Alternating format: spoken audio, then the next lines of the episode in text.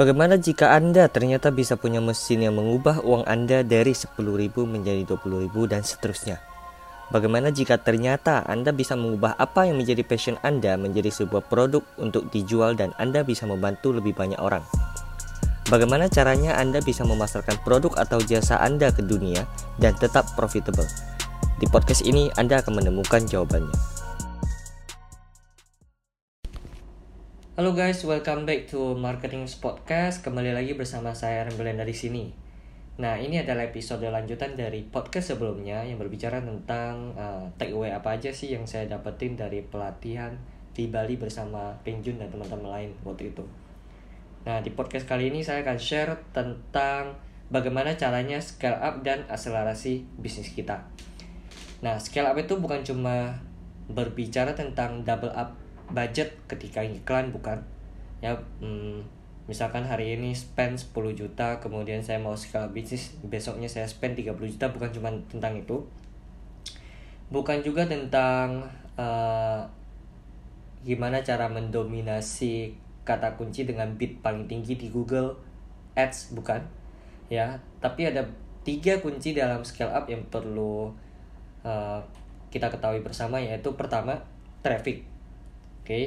kemudian kedua people dan ketiga adalah proses atau sistem saya ulangi lagi tiga kunci dalam scale up adalah traffic people dan proses nah traffic itu berbicara tentang uh, menaikkan budget kemudian kalau di Facebook Ads uh, cara bikin banyak asset yang profitable kemudian gimana bisa spend lebih banyak dan tetap profitable dan lain sebagainya itu traffic oke okay? intinya bagaimana cara mendatangkan pengunjung lebih banyak ke bisnis anda itu traffic Nah, kalau people itu tentang how to get the right team, ya, bagaimana cara mendapatkan tim yang tepat untuk bisnis Anda.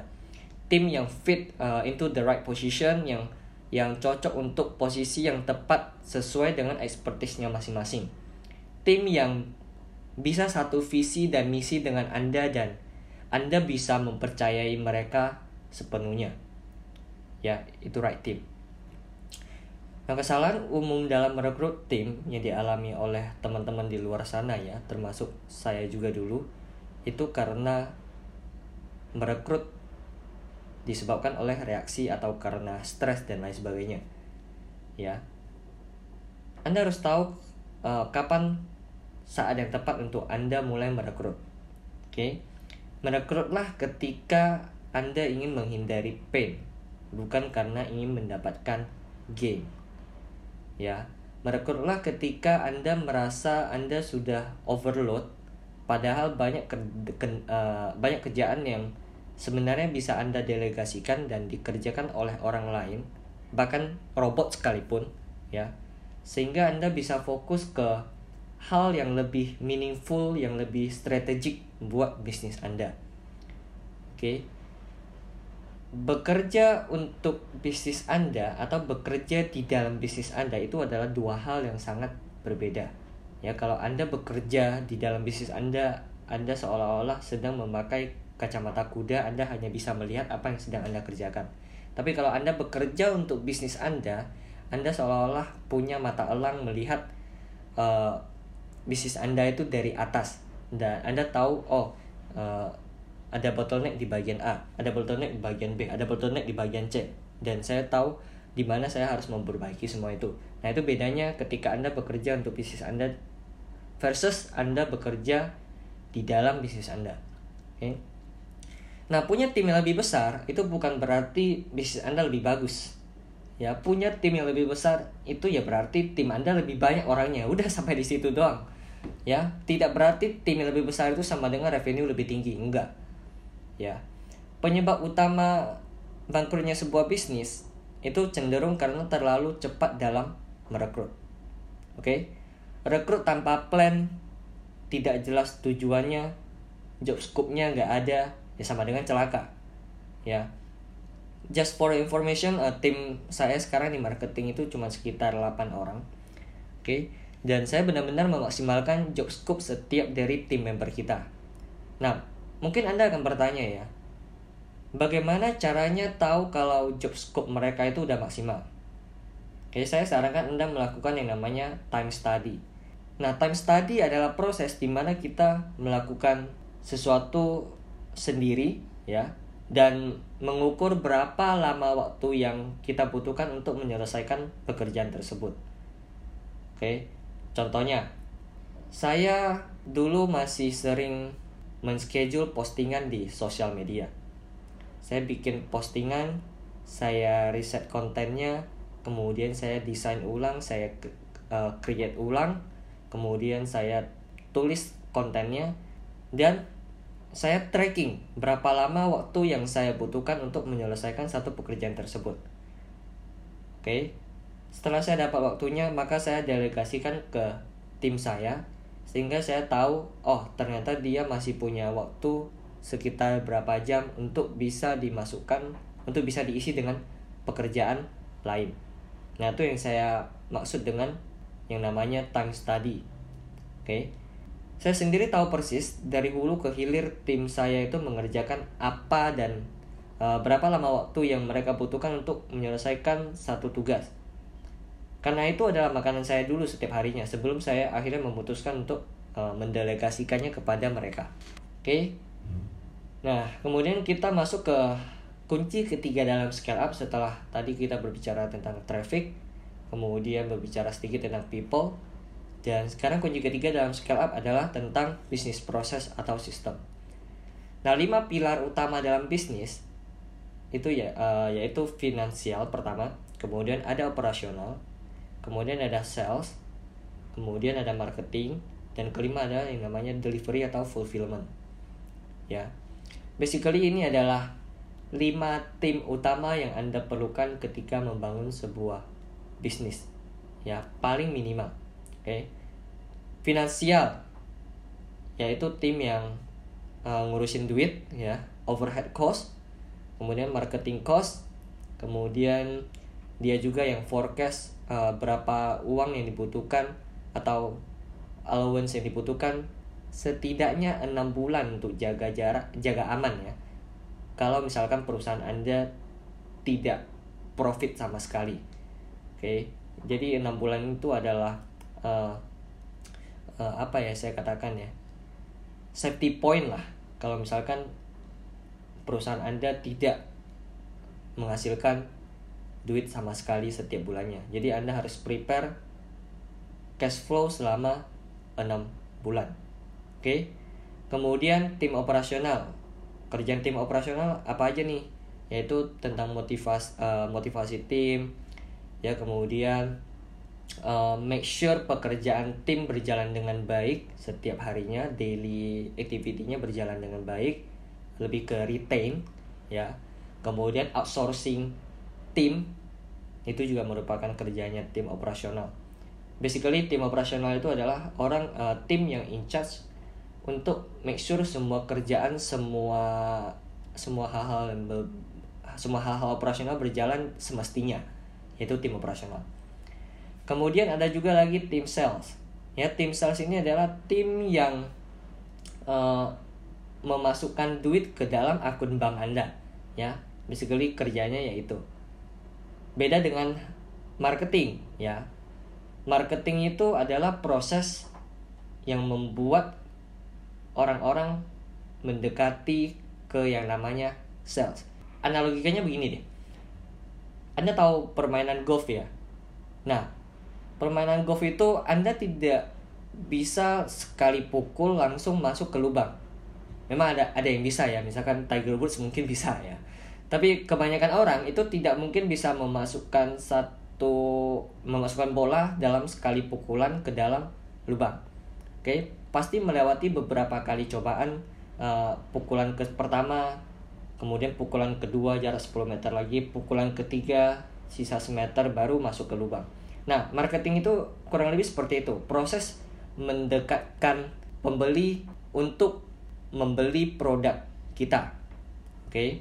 Kemudian tugasnya sales yang mengkonversi mereka menjadi uang. Ya jadi perbedaan sales dan marketing jelas di situ. Kemudian ada tim delivery atau fulfillment. Ya tim yang setelah anda jualan mereka yang mendeliver produk anda ke customer anda. Ya di dalam tim delivery juga kita meminta tim untuk menjalin hubungan yang baik dengan customer kemudian juga mengkoleksi testimoni-testimoni pembeli itu juga kerjaan dari tim delivery oke okay, atau tim fulfillment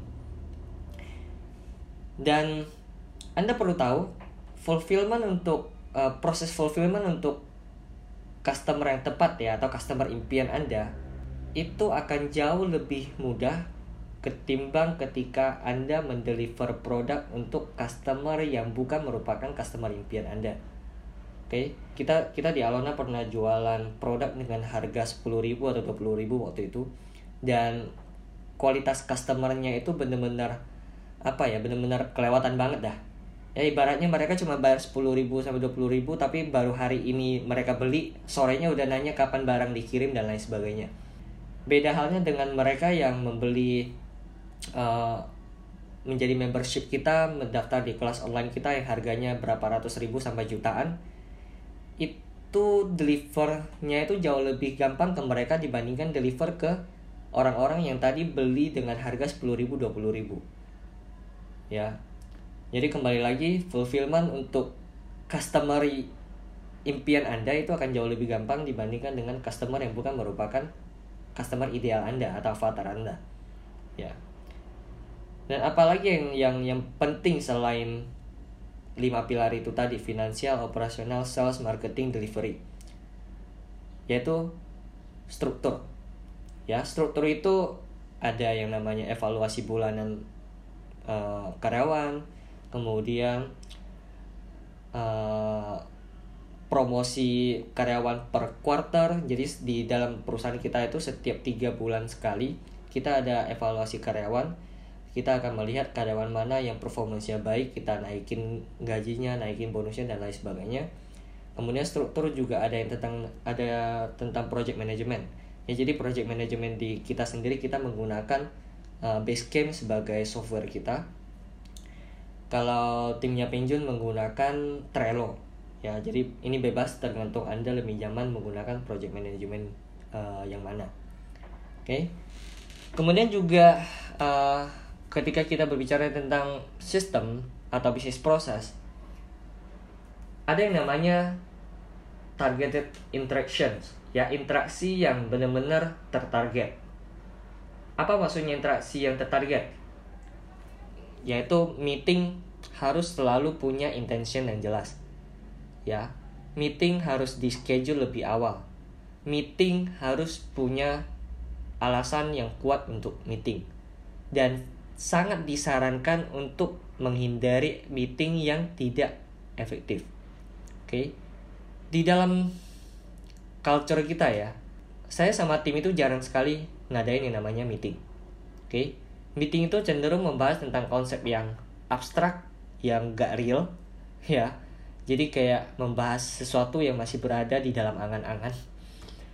Nah, apa yang dibahas di dalam meeting itu juga sering kali melenceng keluar topik secepat bajai. Ya, belum lagi meeting butuh persiapan yang lama hanya untuk memulai sebuah meeting. Ya. Dan selama meeting pasti akan ada satu idiot ya, idiot yang menyela di tengah-tengah meeting dan biasanya menghabiskan waktu orang lain se yang lagi meeting semua itu dengan komentar yang nggak penting ya pasti ada itu kalau anda sering meeting pasti tahu deh ya mudah-mudahan anda bukan orangnya ya nah kalaupun anda mau meeting lakukan meeting secara efektif oke anda bisa pasang timer anda harus punya agenda yang jelas anda undang yang berkepentingan saja. Ingat, manpower cost di balik meeting itu mahal sekali. Anda jangan berpikir kalau meeting satu jam itu berarti hitungannya cuma satu jam. Enggak. Kalau Anda undang 10 orang dalam meeting, kali satu jam itu berarti 10 jam uh, manpower costnya. Oke. Okay? Nah, kemudian uh, saya juga sarankan Anda memulai dengan problem yang spesifik. Oke, okay? saya kasih contoh problem spesifik, spesifik itu seperti apa. Uh, anda jangan membahas tentang masalah jumlah leads tidak tercapai. Akan lebih spesifik kalau misalkan Anda membahas tentang conversion rate di opt-in page kurang dari 5%. Ya, jadi Anda tahu masalah yang kira-kira uh, menjadi sumber masalah di dalam sebuah masalah ingin Anda tackle, Anda mulai dari situ. Ya, jadi benar-benar spesifik tentang problem apa yang ingin Anda tackle di dalam meeting. Kemudian pastikan Anda akhiri meeting juga dengan solusi dan uh, ada person in charge-nya. Ya. Dalam membangun tim, leadership itu sangat penting dan dan ternyata ada dua jenis leadership yang saya pelajarin di situ uh, waktu pelatihan kemarin. Ada yang namanya transactional leadership, ada juga yang namanya transformational leadership. Transactional itu adalah leader yang cenderung menyuruh timnya harus ngapain, kemudian mengoreksi apa yang dikerjakan timnya, ya kemudian menyuruh lagi dan begitu seterusnya. Tapi kalau transformational itu cenderung adalah leader yang mampu menjelaskan visi dan misi kepada timnya, kemudian memberitahu timnya harus ngapain. Dan coaching along the way. Ya benar-benar di coaching benar-benar dibimbing dipandu uh, layaknya seorang coach ya. Nah ada tiga kunci untuk menjadi seorang leader yang transformational yaitu missionnya harus jelas hasil yang diinginkan harus jelas kemudian arahnya harus jelas. Ya jadi misi harus jelas hasil harus jelas arahnya bagaimana cara mencapainya itu harus jelas Kemudian waktu itu saya sempat bertanya apakah salah kalau menjadi leader transaksional. Ya, tidak ada yang salah sebenarnya. Ya, Anda hanya perlu menjadi kalau misalkan Anda saat ini adalah seorang leader yang transaksional, Anda hanya perlu mencari seorang manajer yang transformational. Ya. Saya sendiri transaksional dan mungkin akan mungkin ya. Ini mungkin saya akan approach untuk menjadi lebih transformational atau mungkin saya akan mencari seorang manajer yang transformational yang bisa merangkul uh, tim-tim di bawah saya. Ya bagaimanapun juga itu butuh waktu. Oke. Okay? Nah, dalam bisnis kita uh, cenderung sering menyalahkan orang lain ketika terjadi bottleneck. Ya, padahal kita adalah kita sendiri sebagai business owner itu adalah bottleneck dari bisnis kita sendiri. Karena kita tidak menjadi uh, membuat sistem yang bisa diikuti oleh tim kita dengan baik. Ya, nggak cuma itu. Sebagai seorang leader itu juga harus mengempower tim untuk uh, create dan break things. Ya, kita harus mengempower mereka untuk lakukan apa saja yang mereka ingin lakukan dan izinkan mereka untuk membuat kesalahan. Dengan begitu mereka akan grow lebih cepat. Ya. Anda harus tahu cara ngajarin orang berenang paling cepat itu adalah dengan nyemplungin mereka. Anda nggak bisa ngajarin mereka hanya dengan teori ya kemudian uh, ada juga dibahas tentang client centric mission basically yaitu tentang uh, who how what is the change how to track jadi seperti yang saya bilang dalam bisnis dalam bisnis itu kita harus pikirkan dulu siapa yang ingin kita layani siapa yang ingin kita serve siapa yang uh, yang yang kita pilih menjadi customer kita ya kemudian baru kita pikirkan bagaimana how bagaimana caranya kita melayani mereka membantu mereka Kemudian what is the change? Apa perubahan yang mereka alami setelah kita membantu mereka? Apa perubahan yang mereka rasakan setelah kita membantu mereka? Dan yang terakhir adalah how to track. Bagaimana kita tahu kalau mereka sudah berhasil? Oke, okay? Anda harus tahu benar critical number di bisnis Anda itu sendiri. Ya, uh, semua matrix itu penting, tapi tidak bisa dijadikan KPI. Ya, semua matriks itu penting, tapi tidak bisa semua matriks itu Anda jadikan KPI. Anda akan kewalahan. Ya, saya kasih contoh gini aja deh. Facebook, Anda tahu ya, eh, sebuah perusahaan Facebook itu pastinya punya banyak sekali matriks yang yang, yang harus mereka perhatikan. Tapi KPI mereka apa? KPI mereka itu adalah berapa banyak daily user yang aktif setiap harinya. Itu adalah angka yang paling penting buat mereka. Oke, jadi Anda harus nentuin satu matriks yang paling penting di dalam bisnis Anda itu apa. Jadi ketika Anda lihat matriks ini dalam keadaan oke, okay, berarti Anda tahu bisnis Anda oke. Okay. Nah, angka angka itu angka apa gitu loh. Ya. Contohnya misalkan kita di dropshipaja.com yang kita lihat adalah berapa jumlah reseller yang aktif setiap bulannya. Misalkan. Ya, jadi ketika kita tahu oh reseller aktif bulan ini 10.000, kemudian bulan setelahnya 20.000, oh berarti saya tahu bisnis kita sedang on the right track. Oke. Okay? Nah, sebagai penutup, saya ingin menjawab uh, satu pertanyaan yang cukup menarik dari salah satu follower saya ya. Uh, dia nanya gini, bagaimana kalau kita sudah ngajarin apa yang kita bisa ke tim kita dan ternyata mereka pergi begitu aja setelah itu dan mereka buka bisnis sendiri. Oke, okay? saya ingin anda uh, di di di, di tweak mindsetnya. Itu bukan pertanyaan yang tepat untuk ditanyakan. Coba tanyakan pertanyaan seperti ini apa yang akan terjadi kalau Anda tidak mengajarkan tim Anda dan mereka tetap stay di bisnis Anda? Nah, lo ya. Jadi ini juga menjadi sesuatu yang saya galaukan dari dulu ya. Saya selalu berpikiran, saya punya mindset yang sangat sempit waktu itu. Saya selalu berpikiran kalau saya ngajarin semuanya gimana kalau mereka pergi keluar sana dan buka bisnis sendiri. Ya, anda harus tanyakan pertanyaan tepat. Gimana kalau kita nggak ngajarin mereka, tapi kita rekrut mereka dan mereka tetap berada di dalam bisnis kita? Itu kan akan lebih parah, ya. Anda harus tahu bahwa tidak semua orang itu ingin membangun bisnis. Oke, tidak seperti sama seperti Anda, tidak sama seperti saya ingin membangun sebuah bisnis. Tidak semua orang itu bisa menerima kenyataan bahwa mereka itu tidak akan mendapatkan pendapatan stabil dan rutin setiap bulannya. Ya, tidak semua orang berani untuk mengambil resiko. Tidak semua orang bersedia hidup dalam ketidakpastian. Ya kita sebagai entrepreneur itu hidup dalam ketidakpastian. Bulan ini bisa saja untung 10 juta, bulan depan itu bisa aja minus 5 juta. Gak ada yang tahu itu benar-benar benar-benar gak pasti ya. Nah, peran kita sebagai leader harus menciptakan sebuah environment yang bagus, lingkungan kerja yang kondusif untuk mereka itu saja. Ya, tidak melulu tentang uang, Oke, mungkin banyak berpikiran kalau uh, cara menyemangati tim agar mereka bisa bekerja lebih baik agar, agar mereka punya performance yang selalu peak dan lain sebagainya adalah dengan memberikan mereka gaji yang lebih tinggi. No, it's not always money. Ya, value setiap orang itu berbeda-beda. Ya, ada yang ingin mendapatkan pengakuan, ada yang ingin uh, lebih dihargai, ada yang ingin uh, jenjang karir yang lebih pasti and so on and so on. Jadi tidak melulu tentang uang saja. Oke. Okay? Nah, mungkin kalau misalkan kembali lagi ke transactional leader sama transformational leader, mungkin seorang transactional leader tidak akan mampu berpikir sampai sejauh itu.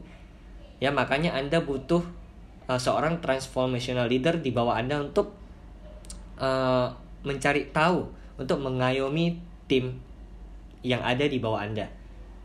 Oke, okay, sekian untuk podcast kali ini. Hopefully apa yang saya sampaikan bisa bermanfaat dan saya minta tolong ke teman-teman yang mendengarkan podcast saya ini untuk uh, share ke sosmednya ke mana pun yang channel yang teman-teman punya ya agar bisa membantu lebih banyak orang lagi.